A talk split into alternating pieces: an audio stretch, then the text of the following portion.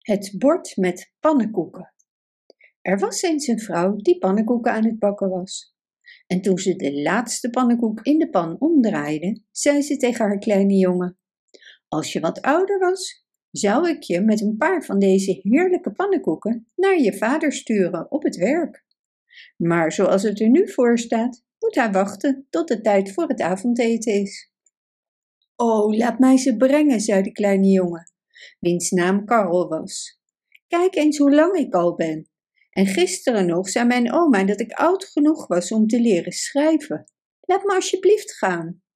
En hij smeekte en smeekte tot zijn moeder hem eindelijk een bord met de bruinste en knapperigste pannenkoeken gaf, met een wit servet eroverheen.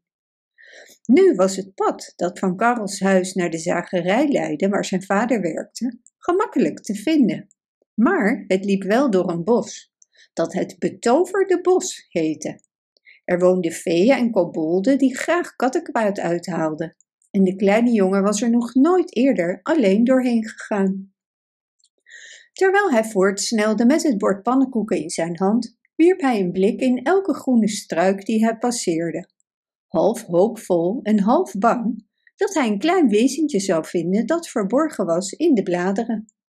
Maar hij zag geen glimp van een vee of kobold, maar toen hij bij de braamstruiken kwam, waar heerlijk zoete bramen groeiden, leek iets hem toe te fluisteren. Stop, Karel, en eet.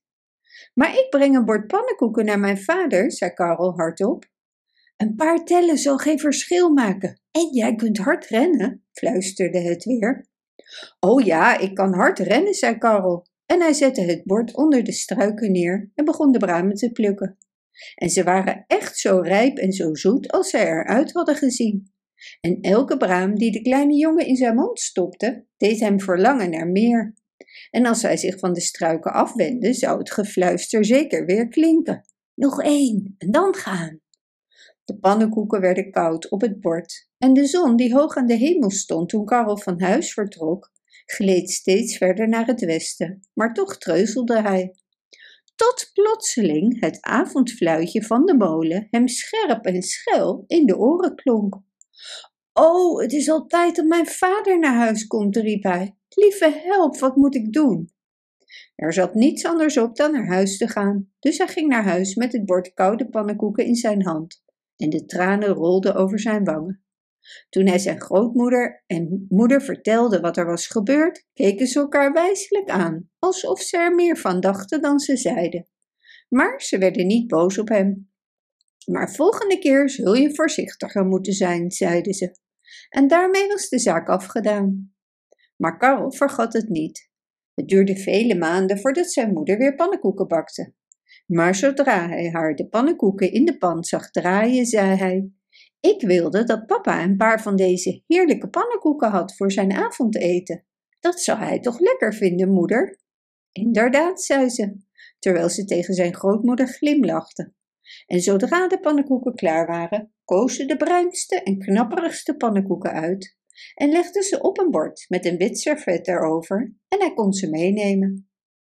Ik ben er vandaag op tijd om mijn vader zijn avondeten te brengen, zei hij, terwijl hij wegliep. Maar al snel was hij terug met een leeg bord in zijn hand en de tranen rolden over zijn wangen. Ik zette het bord maar een minuut neer, terwijl ik een konijn achtervolgde dat zei: Als je me vangt, mag je me hebben. En toen ik terugkwam, waren alle pannenkoeken op, snikte hij. Zijn moeder en grootmoeder keken elkaar wijs aan toen ze dit hoorden. Het is precies zoals ik de eerste keer al dacht, zei zijn moeder. De kobolden zijn aan het werk in het bos. Hij mag daar nooit meer heen. Maar zijn grootmoeder was het hier niet mee eens. Laat het maar aan mij over, zei ze. De volgende dag bakte ze pannenkoeken en ze koos de bruinste en knapperigste pannenkoeken uit, legde ze op een bord met een wit servet erover en gaf ze aan Karel om ze naar zijn vader te brengen.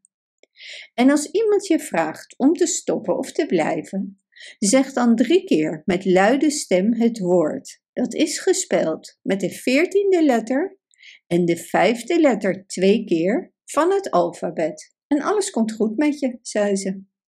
Oké, zei Karel, terwijl hij trots knikte, want hij kende inmiddels alle letters en kon al moeilijke woorden spellen, zoals K-A-T, kat en M-A-T, mat.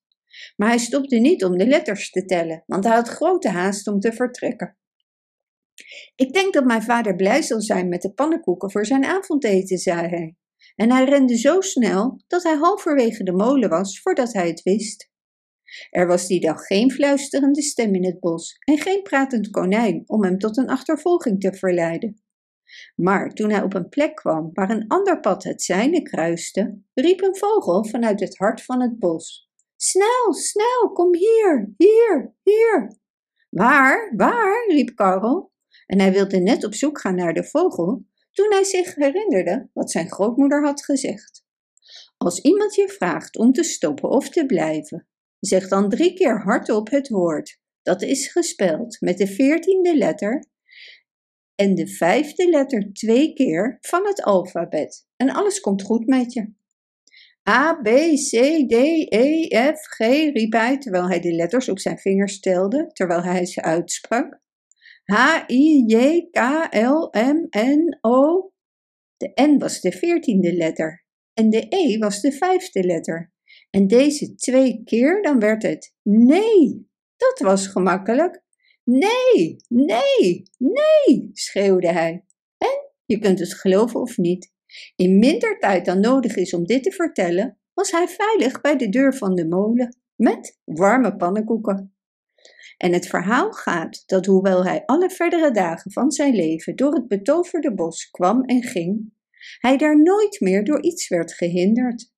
Hij heeft ook nog nooit een kobold gezien, hoewel hij nu net zo oud is als zijn grootmoeder toen hij nog een kleine jongen was.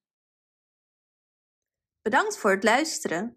Wist je dat je dit verhaal ook op onze website ridiro.com/nl kunt lezen, downloaden en printen?